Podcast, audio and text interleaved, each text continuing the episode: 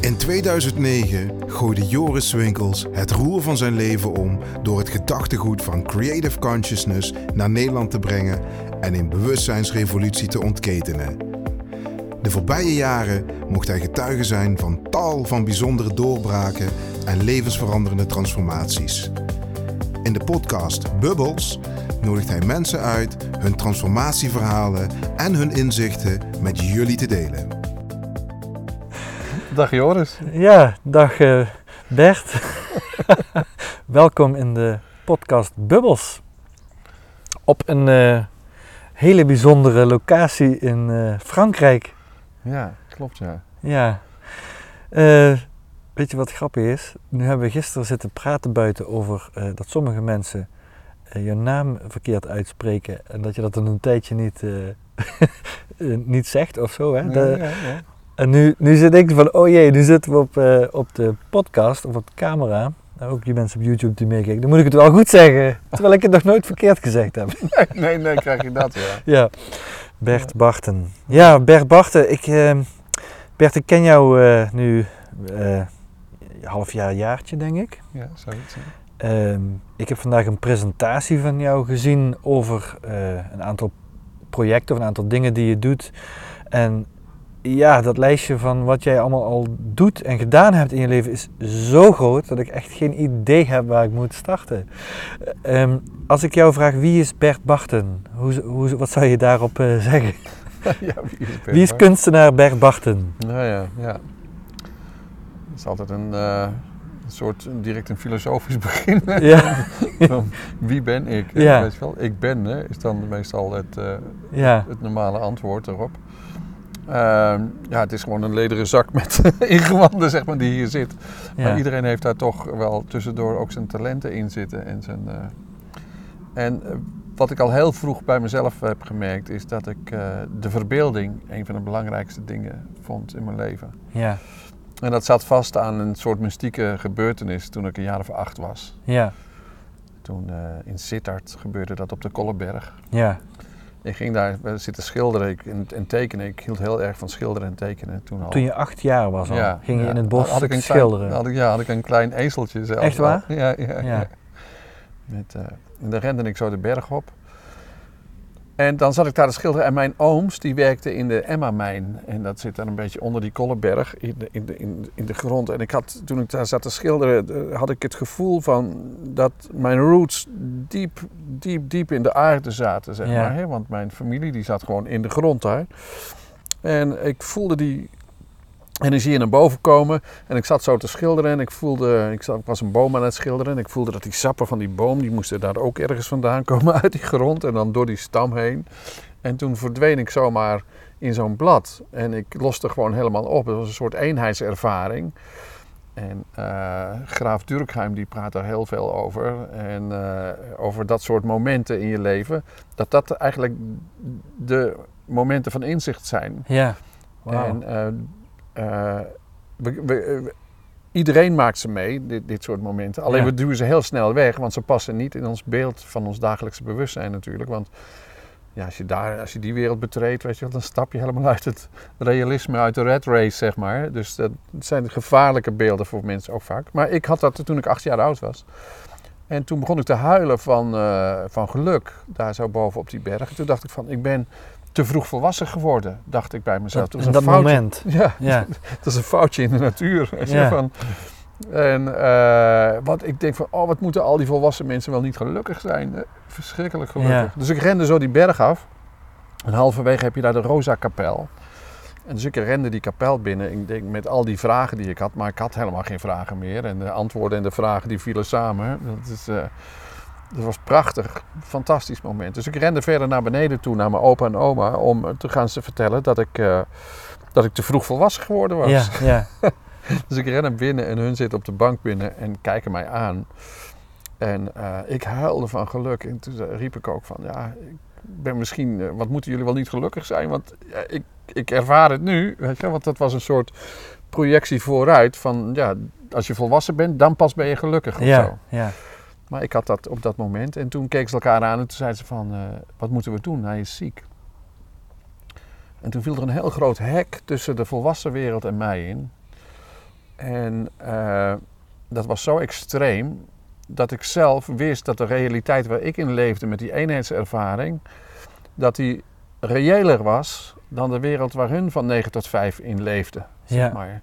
Ik vond dat hun wereld een droomwereld was, een, een soort illusie waar ze in leefden. En dat mijn wereld echt was. Nou, vanaf dat moment had ik wel een heel groot probleem. Ja. Want ik kon eh, volwassen mensen niet meer vertrouwen, zeg maar. Ik, eh, Hun wereld waar ze in leefden, die was niet te vertrouwen. die was niet te vertrouwen voor mij. Ja. Dus dan krijg je een eh, gigantisch autoriteitsprobleem. Als een leraar zei tegen mij 1 en 1 is 2, weet je wat, dat moet je aannemen. Dan, dat was al direct een probleem voor mij. dat is mijn hele leven gebleven. Ja.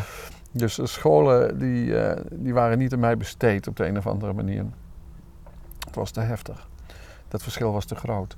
Wat het wel opgeleverd was, is dat ik heel erg geloofde in die wereld. Dus ik noem maar wat, de eerste keer dat ik tien of elf jaar was en dat ik dan klassieke muziek hoorde.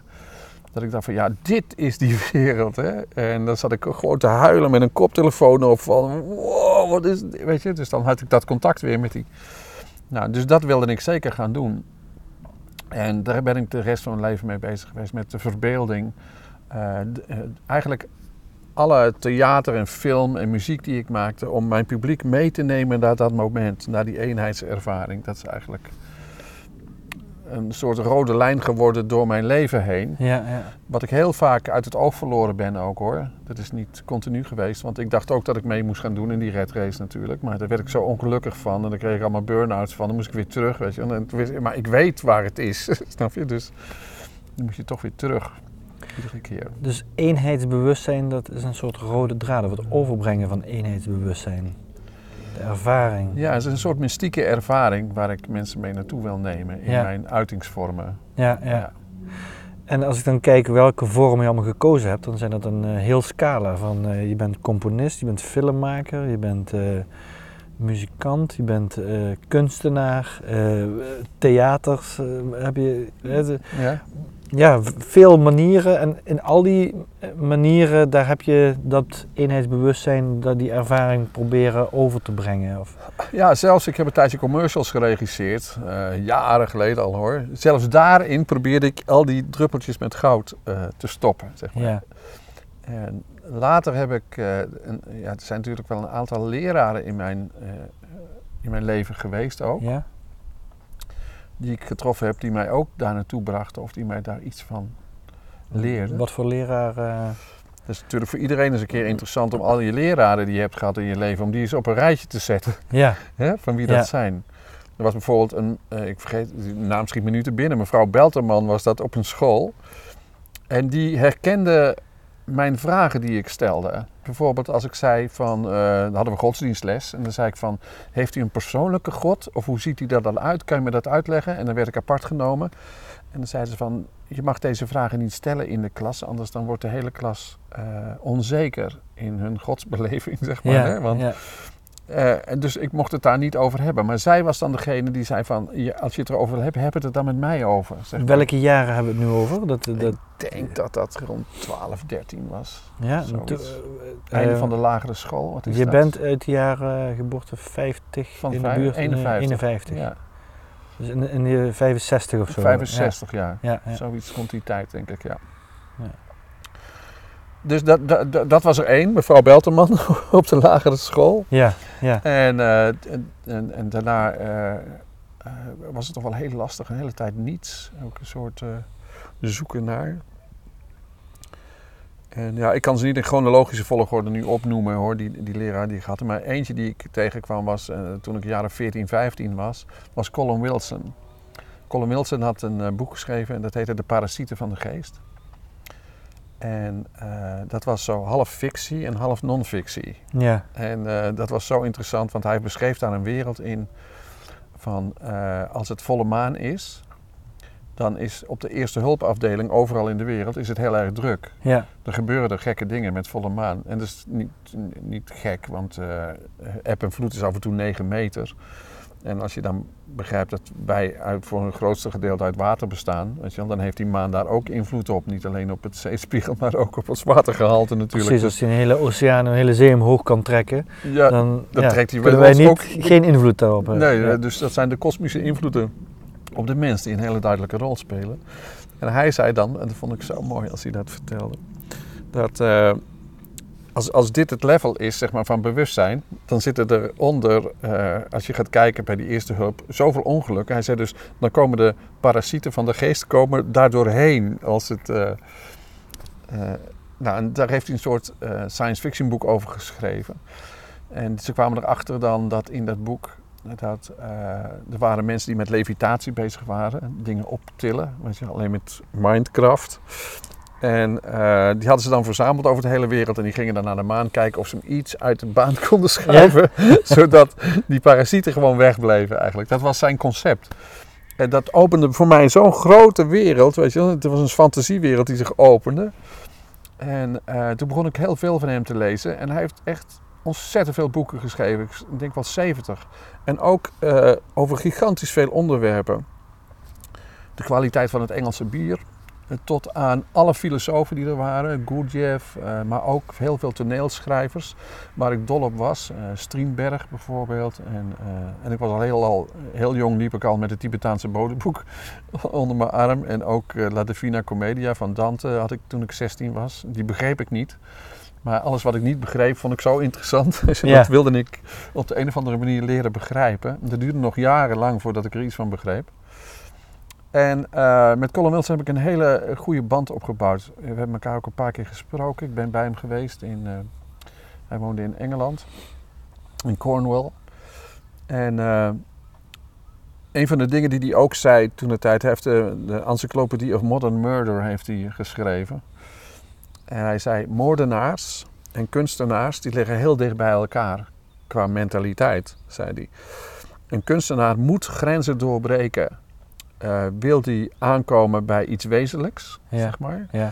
En een moordenaar eh, die doet dat eh, onbewust, per ongeluk, of misschien heel bewust, maar die doorbreekt ook grenzen. Ja. En die twee mentaliteiten heeft hij met elkaar vergeleken. Van wat Hm. is dat dan? Wat moet je aan karaktertrekken hebben om in dat risicovolle gebied te gaan opereren, zeg Mm, maar. mm, ja. Daar hebben we heel veel over gesproken. En dat is in die Encyclopedia of Modern Murder heeft hij dat beschreven. Van kunst- kunstenaars en moordenaars, wat is dat dan? ja. En dat heeft mij ontzettend geïnspireerd toen de tijd. Ik heb ook heel veel risico's gelopen met alle grote projecten die ik deed. En wat bedoel je met risico's? Financiële risico's. Mhm. eh, ook risico's dat ik niet precies wist waar ik aan begon. Ja, Maar dat ik wist wel waar ik uit wilde komen, zeg maar. ja, ja, En, eh, dus dat je paden inslaat waar nog nooit iemand gelopen heeft. ja, ja. Van al die paden, wat vind je daar het zelf het mooiste project eh, wat je gedaan hebt? Ik denk dat eh, La Divina Commedia van Dante, dat, dat, eh, dat ik daar zo de kern geraakt heb van wat je maar kan raken.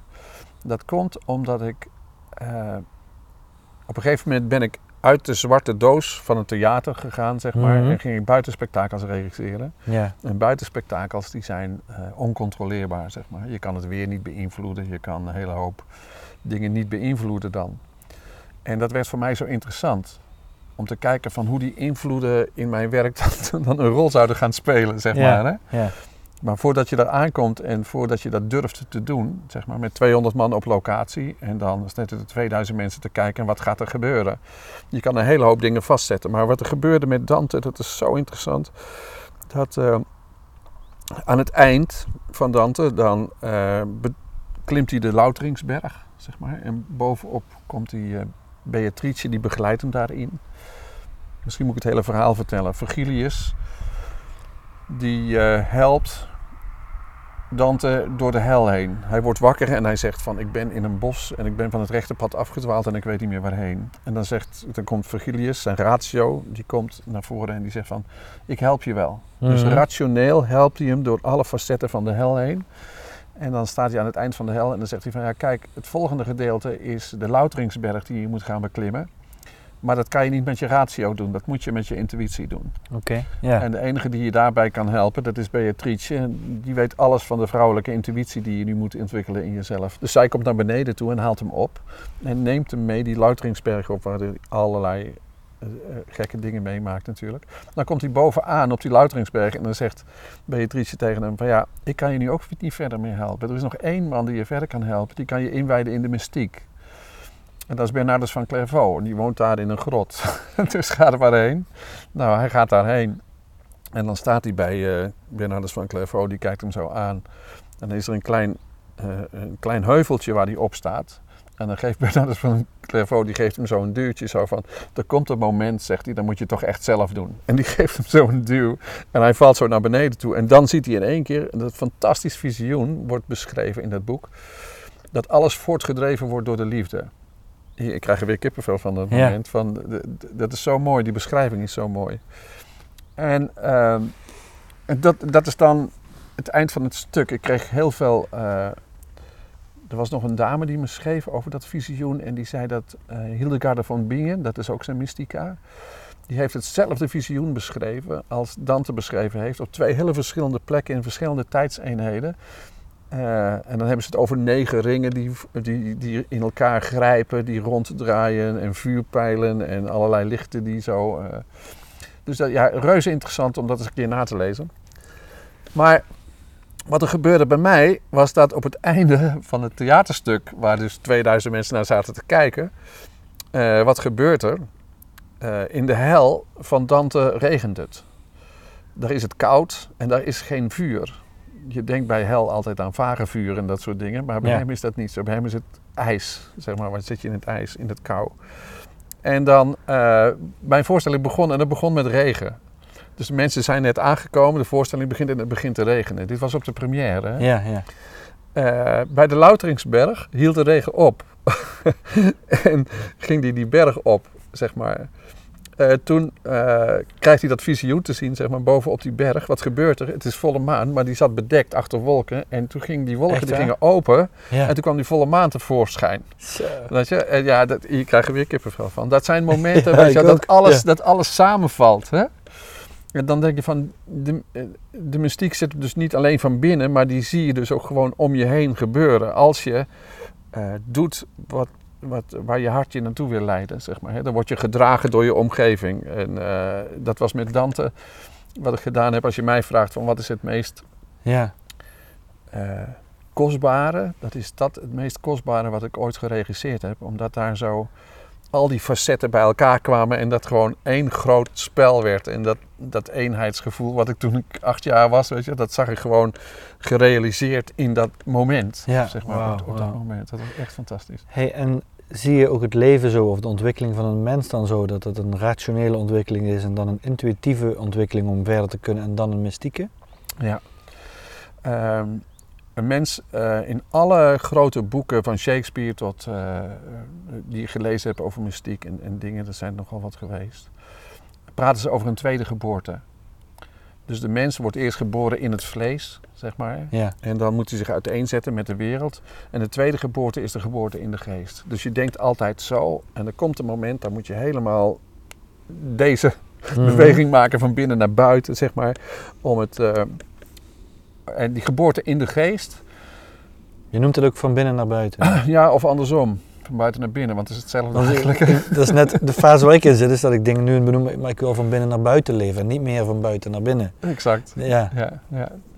Dus eh, in principe is het hetzelfde, maar er zijn momenten dat je van binnen naar buiten moet, weet je en er zijn ook van, van buiten naar binnen.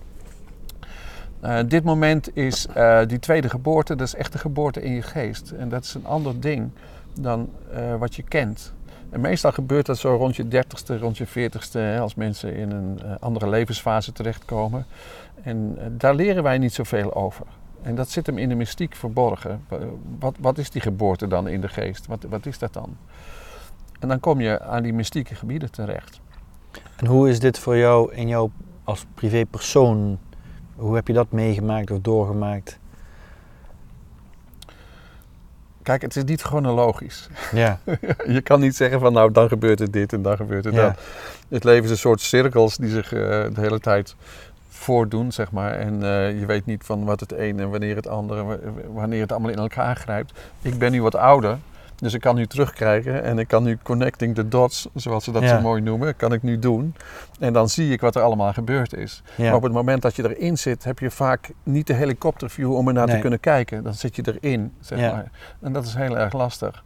Dus dat is het mooie van ouder worden. dat je die helikopterview kunt hebben en dat je denkt van, oh, daarom was dat en daarom was dat. En dan blijken, het is misschien wel heel erg leuk om te vertellen. Eh, een fabel die over een verhaaltje wat erover gaat. Er zit een eh, hele oude monnik die zit op een, op een boomstam en dan komt er een jonge knul naast hem zitten en die zegt: eh, Vertel mij eens over, over het leven, hoe zit dat in elkaar? En eh, dan zegt die monnik van, nou ja, het leven is net een weefgetouw. Hè? Het, de, de, scheer, de, de inslag die hangt daar. Waar je geboren bent, welke taal dat je spreekt, wie je zoal als vader en moeder hebt, weet je, dat, dat hangt daar. Het zijn vaste gegevens, daar kan je ja, niks mee doen. Ja.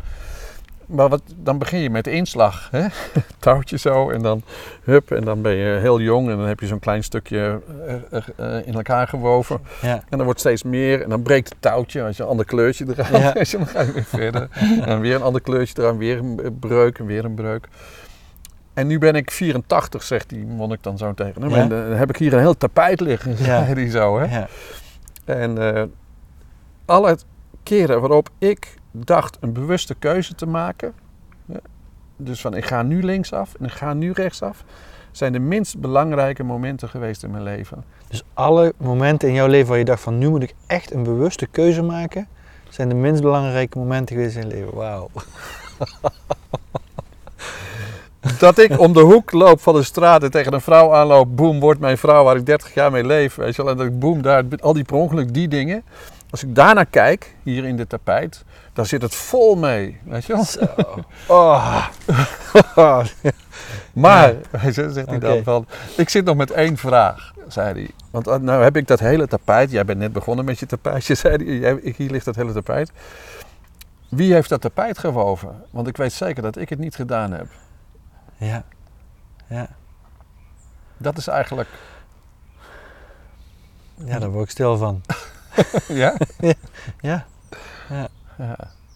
En dat te accepteren, zoals John Lennon zegt, weet je wel, life is what happens while we are making other plans. Ja, other plans. Dat is de, dezelfde uitspraak als dit verhaal over dat tapijt natuurlijk. Ja, ja.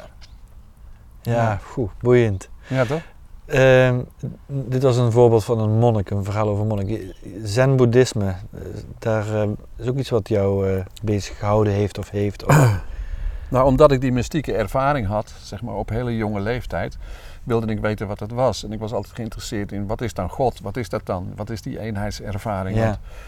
En toen ben ik boeken gaan lezen en uh, heel veel van dat soort ervaringen worden inderdaad in het, in, in het religieuze leven, zeg maar, uh, het beschouwende leven opgezocht en onderzocht door ja. mensen.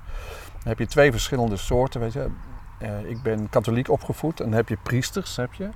Die leven volgens het boek. Die slaan het boek open en die geloven wat er in dat boek staat. En je hebt monniken. Monniken vroeger die renden weg uit de, uit de katholieke kerk. En die zaten dan in de woestijn of die zaten in een bos of die groeven zich in, weet je wel. En die wilden een pers God persoonlijk leren kennen in hun mm -hmm. leven. Mm -hmm. Dat is die mystieke ervaring. Dus je hebt eigenlijk een soort uh, ambtenaren van de kerk. je hebt echt religieuze wezens in die, in die kerkgemeenschap rondlopen. En uh, ik heb het geluk gehad dat ik Chefke Boekmans ben tegengekomen. En dat, dat is een priester.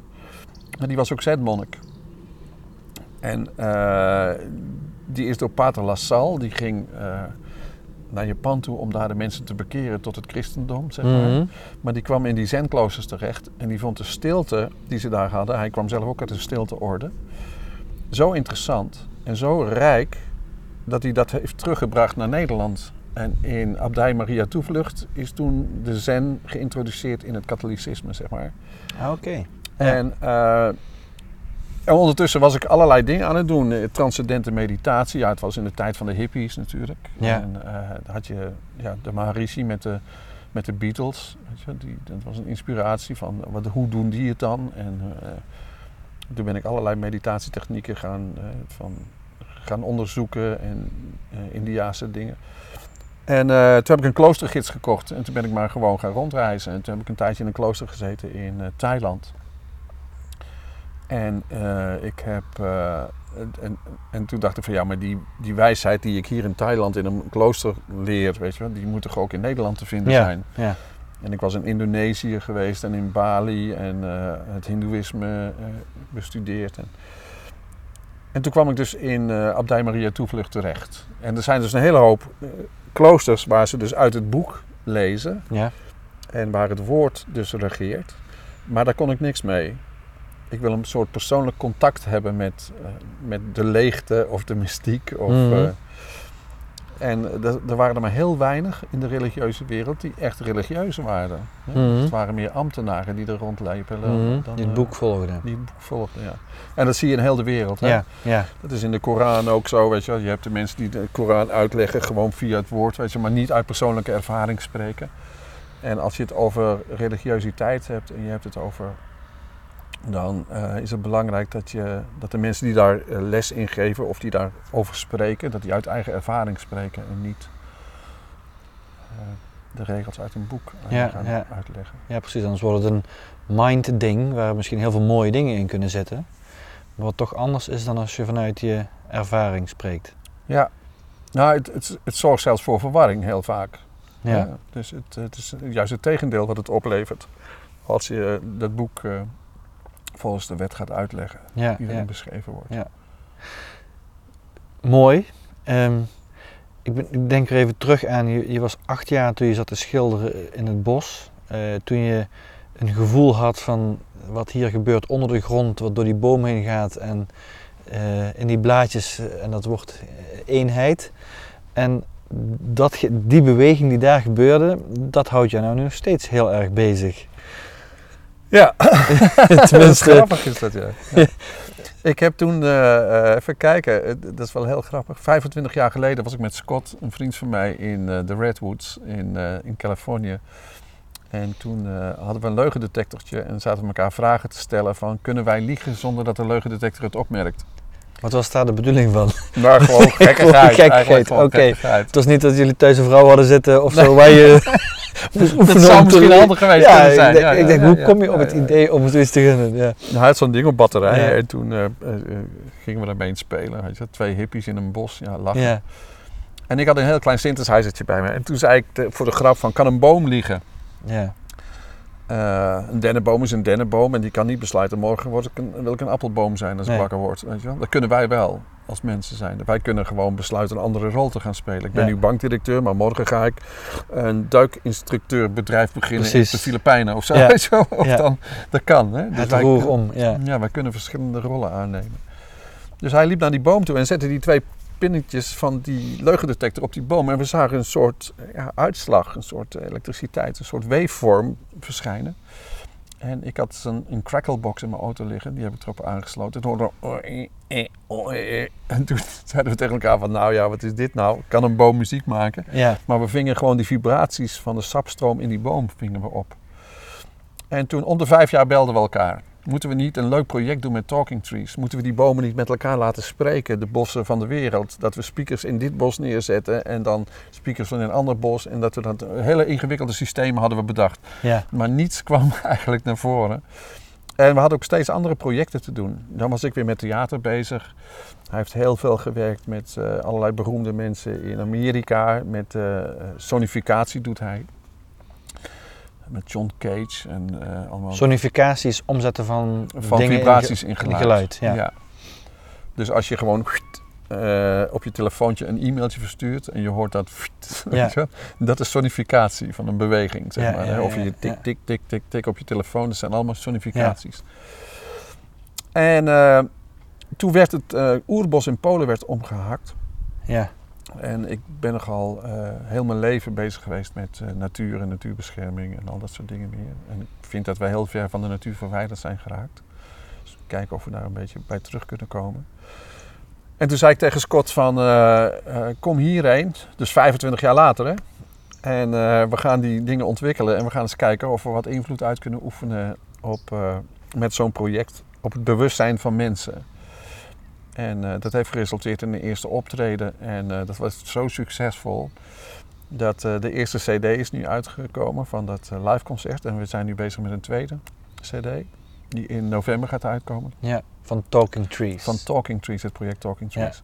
Ook op Spotify al te horen, hè? Ja, het is al op Ja. Spotify te horen. Ja. Ja. onder mijn naam, Bert Barton. Ja. Want er schijnt ook een bandje te zijn wat Talking Trees heet. Oké. Maar dat is het dus Dat is, niet. niet, dat is het niet. Dat nee. is het niet. Bert Barten. Ja, en een van die projecten is dan Talking Ja. Trees. En eh, ik wilde, ik praat er heel veel over, zeg maar. En ik geef er ook heel veel eh, lezingen over. Van hoe we dat doen en wat we ermee bedoelen. En eh, als de kunstenaar in mij is ontwaakt tijdens het hele proces ook weer. Dus we zijn nu bezig met, eh, op onze website, talkingtrees.com, eh, zijn we bezig om te kijken of we wat kunstwerken daar tentoon kunnen spreiden. Bijvoorbeeld, er zijn nu twee grote organisaties, het Human Rights Pavilion in Venetië, die willen graag een kunstwerk van me aankopen. En dat is een glazen boom die ik aan het maken ben, van drie meter hoog, om de kwetsbaarheid van de natuur te laten zien. Eh, het is nog nooit gedaan, een glazen boom bouwen. Mhm, Het is ook een mhm. heel ingewikkeld proces. Het zal nog wel een jaar duren voordat die eh, eh, gerealiseerd wordt. Ik ben met twee mensen mee bezig om te kijken van hoe we dat dan realiseren. En die komen op een aantal plekken in de wereld te staan. Het zijn wilgenbomen waarvan die takken bovenop uitsteken. En die takjes die willen we los gaan verkopen. En voor ieder takje willen we 100 bomen gaan planten. Mhm. En ik wil eigenlijk de aankomende vier jaar 5 miljoen bomen gaan planten in de wereld. Vijf miljoen bomen. Ja. ja. Dat is eigenlijk mijn streven. Dat klinkt heel veel. Ja, dat zijn Ja. 5000 bomen per dag, eh, drie jaar lang. Ja. zeg maar. Maar we werken met een aantal organisaties eh, samen. Eh, dat doe ik natuurlijk niet zelf. ja. En een stuk of vier organisaties in de wereld. Eh, dus wij gaan die fondsen naar binnen halen, zeg maar. En we gaan die mensen de opdracht geven om dat te doen. Want het is niet eenvoudig om een boom te planten. Dan moet je hem ook verzorgen, namelijk. Ja, ja. En eh, dat is best wel een, een, een dingetje. Want eh, heel veel projecten in Afrika bijvoorbeeld zijn vastgelopen omdat het dan te heet werd of te droog werd. En dan waren er niet genoeg mensen om het te kunnen voorzien, zeg maar. Dus we werken met een aantal mensen in Brazilië, in Costa Rica, in Bolivia en in Nigeria samen. Dat is het buitenland, zeg maar. Maar we willen het ook gewoon in Nederland doen. Ja, ja. Ja. ja. Boeiend. Ja, dus als mensen dat willen volgen, dan... eh, Moeten ze op de website kijken. ja. Talkingtrees.com. Ja. Hey, ja, je bent met zoveel dingen bezig, dus ik denk dat we daar eh, nog tien podcasts mee kunnen vullen. Ja. Als ik even helemaal terug ga naar eh, Bert Barten zelf als kunstenaar, of misschien niet eens als kunstenaar, gewoon als mens. Die nu eh, een groot gedeelte van het jaar in Frankrijk eh, zit op zijn château waar heel veel mensen langskomen. Eh, waar je met je partner ook regelmatig te vinden bent, hè, je vriendin. Je bent getrouwd geweest, één keer, twee keer Twee keer. twee keer. Ehm, heb je aan al deze ja, creatieve dingen, hoe, wat voor leven heeft je dat gebracht? Ook als ik het dan heb over relaties en levenslessen van mens tot mens. Ja, het is natuurlijk, als je je hart volgt, dan, is dat, dan kan dat best pijnlijk zijn. Als ik terugkijk, dan is dat wel een soort, eh, Het regent trouwens een beetje, is dat erg? voor mij niet. Voor mij niet, nee. Nou. Nog niet, ik weet niet veel apparatuur Dat is- misschien. nee. Als het te erg wordt, moeten we misschien...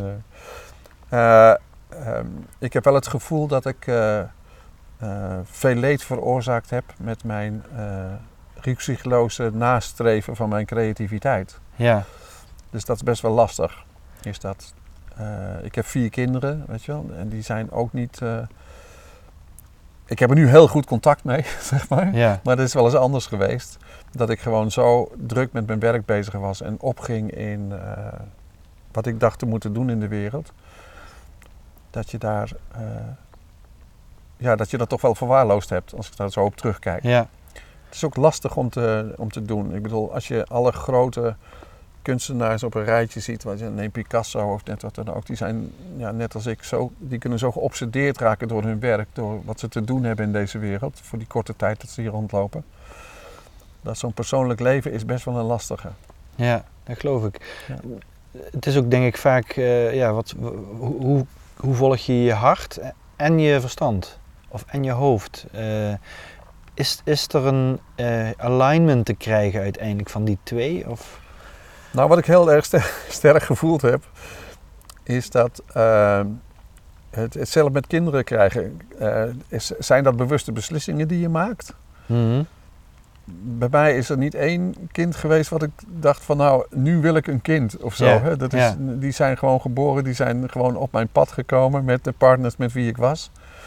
En ehm, ik heb het gevoel dat, zo'n- dat het enige wat eeuwig leeft, dat dat de DNA-streng is die van generatie op generatie zo doorgaat. Hè? Ja, En die DNA-streng die schreeuwt, die natuur die schreeuwt om zich voort te planten. ja, Hè? En wij worden er allemaal door gereageerd, eh, door geregeerd. Vooral als we jong zijn. Weet je wel, onze heupen vragen gewoon om de daad, Ja. om, het, om het zo maar te zeggen. Dus dat doen we dan, maar we weten niet, waar we, we weten niet echt waar we mee bezig zijn. Heel veel kinderen worden geboren, terwijl we eigenlijk niet weten wat we aan het doen zijn. Nou, de natuur regeert. Hè. Het is, eh, als de eierstokken gaan rammelen en weet ik veel wat allemaal. Aan de deuren schreeuwen en eh, mannen hun zaad kwijt moeten en moeten verspreiden in de wereld. Dat zijn krachten waar we absoluut niet van weten wat dat is. En eh, ik heb een tijd gehad dat ik niet geregeerd wilde worden door de impulsen van zo'n DNA-streng of door de impulsen van die natuur. Dat ik zelf de baas wilde zijn over dat. En eh, dat was dat ik ouder was, hè, rond de jaar of 30, 40. dat ik dacht van, ja. ik ben het beu, zeg maar, dat impulsieve gedrag. Eh, maar dat is ontzettend lastig om, eh, om tegen de natuur te zeggen van ik wil zelf de baas zijn. Die kosmische invloeden op de mens die zijn zo gigantisch groot. En kun je dan zeggen dat het dan ook niet gelukt is eigenlijk? Om, die, om zelf de baas te zijn daarvan? Nee, ik denk niet dat het mogelijk is. Eh, eh, het, is het, het is ook die weg weer die we af moeten leggen. Ja. Weet je wel? Dus dat we geregeerd worden. Op oudere leeftijd, nu kan ik erop terugkijken en denken van nou, dat was een ik leefde als een robot eigenlijk. Hè? Ja. Dus eh, je wordt gewoon als robot gestuurd en dan krijg je alle impulsen. Zelf je relaties en al dat soort dingen waarvan iedereen denkt, ja, maar daar heb ik zelf voor gekozen. Of dat, die keuzes heb je niet eens. Ja. Snap je? Dat, is gewoon, dat, gebeurt, dat gebeurt aan je. Ja, ja, ja. En nu als je terugkijkt dan naar die periode en naar de, de impact op je kinderen bijvoorbeeld daarin. Zijn er dingen waarvan je zegt van ja, dat had ik toch anders moeten doen eigenlijk? Of, Nee, je, je kan het niet anders doen. Je kan het alleen maar doen zoals je het gedaan hebt. ja, Weet je? En gewoon accepteren wat je gedaan hebt. En kijken wat je daarmee kan doen dan nog. Weet je? We gaan gezamenlijk eten. We gaan af en toe met elkaar op, eh, op, op, op- ja, op vakantie. Of weet je? dat soort dingen. Dat is leuk om te doen. Maar je, je kan het niet veranderen. Weet Ja. je? En je hoeft er ook geen spijt van te hebben. Want dat is wat er gebeurd is. ja, ja, ja, ja, ja, ja, snap ik. Bert, eh, hier eh, in Grassou, zo zo heet het plaatsje hier, hè? Eh, hier komen behoorlijk veel mensen langs. Als ik, ik ben nu voor de tweede keer hier en ik denk, ik denk elke keer, oh die Bert die is helemaal alleen op zijn eh, château en eh, laat ik eens even op bezoek gaan.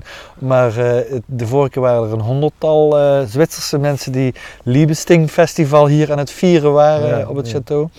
En deze keer zat de tent ook vol eigenlijk met een man of 15 of zo die, die van vrienden, familie die één keer per jaar hier komen om het eh, château weer in een betere staat te brengen. Ja, Wat, wat, wat, ehm, wat drijft je om al, de mensen, om al die mensen hier eh, te ik, huisvesten? ik ben hier ook vaak alleen hoor. Ja, ja, toch wel? Vindt het dan niet. Of is dat toevallig? Vanaf woensdag ben ik weer alleen. Tot Ja. en met zaterdag. En Ja, En ik was net een, eh, anderhalve week alleen, geloof ik, hier of zo. Ja. Maar dan komen er toch wel weer mensen langs. Ik doe twee keer per jaar, en dat is voor iedereen, en voor alle luisteraars ook, geef ik een klusweek in, in, in, eh, op het château. En dat is in het voorjaar, in april, en in het najaar, in oktober, eind oktober. En dan eh, eh, ga- gaan we alles eh, eh, wat we doen, eh, we gaan allerlei klusjes, die, tijdens het seizoen zijn er een aantal dingen kapot gegaan. Ja. Een ruitje kapot en een dingetje. En nu zijn, waren er een paar luiken kapot. Eh, die gaan we dan vervangen met z'n allen. Dan betaal ik het eten en het onderdak. ja, En eh, dan zitten we met z'n allen aan tafel en dan hebben we gezellige avonden en gezellige dingen. En dat gebeurt in het voorjaar en in het najaar. Dus in april zijn ze weer. En dan, eh, dus dat, dat zijn twee van die dingen. Ik geef hier ook trainingen.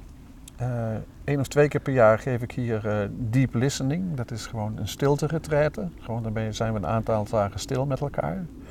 Ik geef hier een leadership on stage training. Dat is ook twee keer per jaar, één of twee keer per jaar. Eh, dat doe ik samen met Floor de Ruiter, een vriend van mij. En dat is eigenlijk voor het bedrijfsleven. eh, om eh, ook in een andere mindset terecht te komen, zeg maar. Heel in het kort gezegd. ja, ik drijf de mensen naar het einde van hun comfortzone en Floor die vangt ze dan weer op, laat ik het zo zeggen. Ja, ja, ja, dat is eigenlijk een beetje wat gebeurt. Hele goede trainingen zijn dat. Ehm, dat zijn eigenlijk de dingen die ik zelf doe. En voor de rest uh, zijn er een aantal mensen die het château ook helpen om te verhuren, zeg maar, aan groepen. Dus het is nu twee keer per jaar een festival. Er is een Mambo-week, geloof ik, met muziek. En er zijn, er zijn bruiloften en feesten zijn hier. En ja, dat is natuurlijk. En ik ben nog uh, mensen tegengekomen die hier zaten omdat ze een boek wilden schrijven. Ja, ook. En ik ben nog mensen tegengekomen die met een burn-out of depressie of zo zaten en vanuit daar een tijd hier kwamen. Ja, klopt. Er zijn zo twee of, twee of drie mensen per jaar uh, kan ik opvangen hier. Uh, en die zijn er dan een aantal maanden. Hè. Die zijn er af en toe wel eens de hele zomer. Of ze zijn er wel eens van april tot en met november. Uh, bijvoorbeeld iemand die van de alcohol af wil komen. Of iemand die met roken wilde stoppen. Maar ook mensen met burn-out. maar ook een aantal schrijvers heb ik hier gehad. Er zijn een stuk of zes boeken geschreven al hier op ja. Maar ook dat we samen kunst maken. Weet je, schilderen en tekenen en ja. dat soort dingen. Dus het is eigenlijk een soort creatieve hub hier zo. Maar allemaal wel in het kader van. Ik heb hier mijn eigen zendo. De, dus we kunnen hier ook mediteren met z'n ja, allen. Ja. En uh, ja, dus eigenlijk wat er nodig is, gebeurt hier, zeg ja. maar. Ja, mooi, mooi, mooi. Mooi ook dat je die impact en die betekenis hebt voor ja, zo'n zo grote groep aan mensen. Ja. ja. Um, Bert, als, um, als je terugkijkt nu uh, met al je levenswijsheid en overal waar je geweest bent en, en je zou mensen een tip of een aantal handvaten kunnen geven over uh, ja, hoe, hoe word je gelukkig in het leven of welke richting moet je volgen. Wat, wat zijn voor jou belangrijke dingen die, daar, uh, die je mee zou willen geven? Of? nou, het is iets wat Joseph Campbell altijd zegt: follow your bliss. Dat is eigenlijk eh, de belangrijkste boodschap. Er zit een talent in je en dat talent dat wil eruit. En uh, woeker met je talent, zeg ik altijd. Hè. Ga daar, ja. Uh, ja, wat moet ik zeggen, woekeren met zo, je talent. Zo, je talent, ja, ja, verspreid je talent. Verspreid je talent. niet te zuinig met je talent. Nee, niet te zuinig zijn. En ook niet ik hoor heel veel kunstenaars praten. Ja, maar er wordt gekopieerd en er moet, moet een advocaat op en dat soort dingen. Niks, gewoon hup. Ja. Alles. De ene mens heeft duizend ideeën op een dag en deelt ze uit. Deelt ze uit ja. in plaats van dat je, de, dat je ze inperkt. Um, en dan heb je natuurlijk dat je wonden oploopt gedurende je leven. Hè? Waar je dicht van slaat, waar je, je relatie gaat stuk. Weet je, of je hebt ruzie met je familie of weet ik veel. Het Ja. kan van alles zijn. Uh, heel je wonden en woekeren met je talenten. Dat zijn eigenlijk de twee dingen die ik uh, altijd... Heel, heel je wonden en woekeren met je talenten. Ja, en woekeren met je talenten is nummer één. Concentreer je op waar jouw kracht ligt. En dat kan van alles zijn. Hè? Dat, uh, de, de ene kan hele mooie uh, houten deuren maken voor hier aan mijn ramen te. Ja. De andere kan hele mooie muziek maken. De andere die is heel goed bezig met het uh, weet, verzorgen van andere mensen of zo. Woekeren met dat talent wat je dan hebt. En iedereen heeft zo'n talent ergens. Zoek daarnaar. Als je niet verder komt in die talenten, dan is het noodzakelijk dat je naar je pijn kijkt. Waarom kom je niet verder? Wat is die pijn dan die daar zit? Want die houdt je terug, die houdt je dicht. Die... Exact. Ja. En dat moet open gaan, zeg maar. En uh, uh, daar kijken we naar. Hier in, in Grissou kijken we heel veel. Waar zitten die pijnpunten dan? Kunnen we die verzachten? Weet je? Kan het weer gaan stromen in je leven? Hoe doe je dat, pijnpunten verzachten? nou, heel veel gebeurt in de stilte natuurlijk. We, we, mediteren hier heel veel en we hebben het erover. Waar zijn die pijnpunten dan? En uh, durf je ernaar te kijken? Ja. ja. En er zijn allerlei methodes voor die we hier gebruiken. Uh, ik, mijn theaterachtergrond is natuurlijk een hele goede. Ja, ja, ja.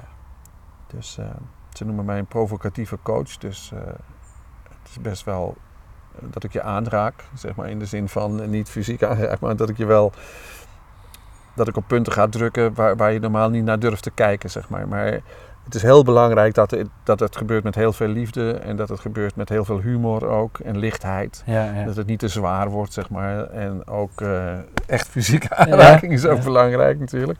Dus dat zijn de drie dingen waar ik het daarmee doe, met humor, liefde en aanraking. En Eh, en, en met die ingrediënten kijken we naar die pijn. Maar blijf niet te lang naar die pijn kijken. Hè? Als het opgelost is, ga verder. Want je kan zo snel in een slachtofferal vallen als je je blijft concentreren op die pijn. Er zijn mensen die zijn hun hele leven bezig met die pijn op te lossen.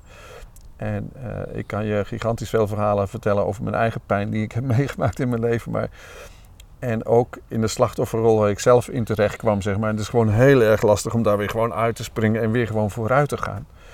Dus blijf, de mantra is vooruit. Vooruit en focus je aandacht op de bliss. Ja, En, als je, en als je daar even niet in vooruit komt, kijk dan even naar de pijn. Wat kun je weer helen, ja precies. loslaten en vervolgens weer vooruit. En weer verder. Ja, ja, ja. En je talenten. Hè. Ik ben heel vaak van mijn pad afgeraakt. En ik geloof dat 70% van de bevolking eh, bij ons eh, niet eh, leuk vindt. eh, dat ze het werk wat ze aan het doen zijn niet leuk vinden. Ja, 70% van de bevolking. Dat, dat is niet goed. Nee. Je? Dat je alleen voor je ijskast en voor je hypotheken, voor je dingen moet werken. En dat het alleen maar een survival mode is waar je in terecht komt. Dat is, eh, dat is niet goed. Ja. Snap je? Dat is echt heel, eh, daar stikt een mens van. Dus daar moeten we als samenleving ook naar kijken van wat is dit voor een ding? Ja, Waar zijn we hiermee bezig? Met die survival mode van iedereen. ja. Dus ik ben voor een basisuitkering, zodat er weer wat lucht ontstaat. Ja, Ik, ja. ik ben ervoor dat advocaten 60 euro per uur krijgen en een vuilnisophalen 250 euro per uur bijvoorbeeld. Ja, dat vind ik, eh, snap je, dat soort, regelen, dat soort ideeën, daar loop ik dan wel eens mee rond. overwogen met de politiek te gaan? Eh, nou ja, dat gaat zo langzaam en is zo conservatief. Het hele systeem is zo conservatief. Ja, Eh, dus dat ik, ik heb. Nou, ik, ik, ben van links naar rechts geswitcht in die politiek om te kijken van. Als je links zat, dan waren er. Nou, mooi voorbeeldje is bij het GVB. eh, in, in Amsterdam waren in één keer 500 mensen verdwenen van, eh, van de loonlijsten, zeg maar. Maar ze kregen wel salaris betaald, alleen ze kwamen nooit meer op hun werk. En toen had ik een geluidstechnicus in dienst. En die kwam uit Joegoslavië, zeg maar, zo'n oud-communistisch land. En eh, die kwam ook, maar steeds niet op zijn werk. Toen zei ik van, wat is dat toch? Toen zegt hij, ja, het hoogste wat wij kunnen bereiken... is dat we dus op een salarislijst staan ergens... en dat we niet bij het werk hoeven te verschijnen. Ja. Zei hij. Dat is het hoogste wat wij kunnen bereiken in onze samenleving. ja. En dat is bij links hier in Nederland ook zo. Van, eh, dat is, daar lijkt het op, hè? dat dat het hoogste is wat je kan bereiken. Ja. Van, eh, ah, niet te hard werken, want anders moeten we allemaal dat. Dus uit- maar als je rechts gaat kijken, dat is dan weer zo verschrikkelijk. Zeg maar, Wa- wat die, die, die roven de hele boel leeg om hun eigen zakken te vullen en weten ook niet hoe te delen. Dus die twee die staan rechtlijnig tegenover elkaar. Ik heb een lezing gegeven in Engeland, wat nu al een jaren al een probleem is daar. En toen zei ik van, eh, jullie zijn de uitvinders van de ronde tafel. Hè? King Arthur, daar Ja. zaten we allemaal rond een ronde tafel. En er werd Ja. er besloten aan een ronde tafel wat de beste oplossing was, zeg maar. Ik weet niet wanneer het gebeurd is, maar nu zitten er altijd twee polen. De ene zit aan die kant van de tafel en de andere. Nou, in Engeland is het heel duidelijk te zien, want dan zitten ze Mhm. elkaar gewoon uit te schelden. Dan zitten ze recht tegenover elkaar en moeten ze er een scheidsrechter tussen zetten. Maar dat is bij ons ook al zo. Hè? Dus eh, de eerste kamer, of de, de Tweede Kamer, de- dan zitten die mensen ook allemaal tegenover elkaar. Ze ook allemaal te schreeuwen en elkaar voor rotte vis uit te maken. Dat is geen. Ze hebben uitgerekend op de universiteit in Amsterdam dat 95% van het probleemoplossend vermogen en de energie in de politiek gaat zitten in de politiek. En niet in het probleem oplossen Ja, van eh, de problemen die we hebben. Dus 5% wordt gebruikt om problemen op te lossen. En 95% is strategie en politiek en weet ik veel wat allemaal. ja. Nou, ja, dat is niet gezond. Nee. Dat is gewoon echt niet gezond. En niet effectief. En totaal niet Nee. Dus we moeten terug naar de ronde tafel. en dat is het leuke van minderheidskabinetten, vind ik. Wat we nu hebben, bijvoorbeeld die minderheidskabinetten. Dat is een beetje een ronde tafel. Want je kan Ja. geen beslissingen meer nemen zonder elkaar. Ja, ja, ja, ja, ja. En dat vind ik fantastisch. Ja, ja, dus iedereen zegt van ja, dat werkt niet en dat werkt niet. Voor mij werkt dat fantastisch. Ja, ja, minderheidskabinet. Ja, Ja, ja, ja, ja. Bert, ik heb eh, drie bubbelvragen die bij de Bubbels podcast horen. Maar ik ga er vandaag vier van maken. Oké, dat is goed. Ja, de eerste die, die kwam net spontaan in me op. Ik denk, ja, ik, ik vind jou zo'n eh, inspirerende kerel met zoveel verschillende, ja, zo- zo'n grote variëteit aan wijsheid. Dat ik ook wel benieuwd ben of je nog een stukje wijsheid voor mij hebt, voor, voor Joris als persoon. Voor Joris als ja, persoon. ja. nou, wij, wij, wij kennen elkaar nog niet zo lang Nee, dat, nee, dat klopt, maar gewoon op de eerste indruk. De eerste keer kwam ik Ja. hier in een paars broekje en een campertje even eh, hallo Ja. zeggen. Ja. En eh, nu ben ik er de tweede keer. En eh, ja, en, en misschien slaat het helemaal nergens op, maar eh, wat, wat, is een, eh, wat is iets wat bij jou opkomt als je, als je naar mij kijkt? Nou, ik vind jou ook een hele inspirerende man. Ja, Snap je? dus dat is wat in mij opkomt. Eh, eh, je, je sprak over dat je ook een soort trainingsorganisatie hebt. Ja. Daar ben ik ontzettend nieuwsgierig naar. ja, Van hoe dat, hoe dat werkt bij jou. Wat voor systeem dat jij erop nahoudt om de zachtheid en de pijn op te lossen. Ja. En de ruimte weer te scheppen binnen mensen. Dus dat, eh, en ik denk dat je daar heel goed in staat toe bent. Eh, Tenminste, wat ik tot nu toe eh, heb meegemaakt van de paar keer dat, je, dat ik je spreek. ja, En dat je mensen hier aanspreekt op het terrein. Die allemaal naar me toe komen. Wie is die Joris? Want eh, in een kort gesprekje doe jij precies hetzelfde als wat ik doe ja, eigenlijk. ja, ja. En eh, d- dat, dat vind ik heel erg interessant. En eh, ga daarmee door Joris. Ja. Zou ik willen zeggen. Voed dat. ja. Voed dat. Woeker dat. Woeker daarmee. Woeker daarmee. Oh, dat Ja. vind ik een hele mooie. Ja, Woeker daarmee. ja, ja, dat, ja, dat, eh, ja dank je. Dank, Ja? Die, die neem ik aan. Dat kan je niet genoeg doen. ja. zeg maar. Oké, dan ga ik nu over naar de drie eh, Ja, officiële bubbelvragen. Ja. Ja, de eerste die gaat over eh, dat ik het idee heb dat wij in een soort bubbels eh, leven. Waarin we in zo'n bubbel eigenlijk ja, onze eigen realiteit hebben. En dat dat heel lang zo lijkt totdat er iemand komt of iets komt of een levensgebeurtenis of een meester of een leraar of een overlijden of iets. En dat er in één keer een naald door zo'n bubbel. En dat die hele bubbel eigenlijk blijkt een bubbel geweest te zijn. Ja. Eh, Heb je dat soort voorbeelden in je leven? Of wat is de grootste bubbel die bij jou ooit geknapt is? Nou, dat zijn er heel veel geweest natuurlijk. Maar eh, nu toevallig dat ik een, eh, een, een kennis van me hier. eh, de- de- me, eh, de afgelopen paar maanden is me dat over gebeurd. Eh, zij zit vast eh, in haar beroep, zeg maar. Ze kan geen kant op eigenlijk. Maar ja, ze zit vast, ze moet de hypotheek betalen en weet ik wat. En dan komt het leven om de hoek kijken. Dus wat gebeurt er als eerste? Ze krijgt een auto-ongeluk. En toen zeg ik tegen haar van ja, je moet iets anders verzinnen, want het leven laat je nu weten dat je een andere kant op moet. Ja, En eh, ja, ja, ja, ja. dat duurde drie weken en toen brandde haar praktijk af. Toen zei ik, als je nu nog niet gelooft dat je een andere kant op moet, hè, want het is toch echt zo. Nou, dus het leven laat, geeft jezelf tekens van als je hier deze kant op gaat en het licht staat niet op groen, weet je, dan weet je dat je verkeerd bezig bent. Dan moet je ergens anders naartoe. ja, Dat is, dat is een van de dingen. Ehm, wat, ik, ik wilde nog een, een verhaaltje daarover vertellen. Van, ehm, ik ben het heel even kwijt. Van die bubbels die doorbroken worden. Hè? Ehm, nou, misschien kom ik er zo nog even Ja. op. Ik, ik had nog een. een, een... Kijk, het, het leven leert jezelf lessen. ja, Hè? Dat, is, eh, dat is wat, wat, eh, wat John Lennon ook zegt. Hè? Met die uitspraak. Hè? Van, Ja. eh, Life is what happens while you're making other plans. En is dan ook de boodschap van stop met te veel plannen maken en geef je gewoon over aan wat het leven wil? Want als je dat niet doet, dan krijg je alleen maar dat je je auto-ongeluk, je huis afbrandt en je ziek wordt en eh, dat soort dingen. Daar zit heel veel in. Ja? Dus dat is eh, go with the flow. Ja, het zijn allemaal van die platgeslagen uitspraken Ja. natuurlijk. Maar dat is wel wat je moet doen. Ja. Ja. en als het heel hard gaat regenen, betekent dat ook dan dat we moeten stoppen met podcasten en naar binnen moeten? Dat denk ik. nou, dan ga ik naar de volgende vraag, de volgende bubbelvraag. De, de tweede is, die gaat over eh, bubbly energy, over de, de energieke. En ja, je, je, je zegt eigenlijk al van volg je bliss, volg...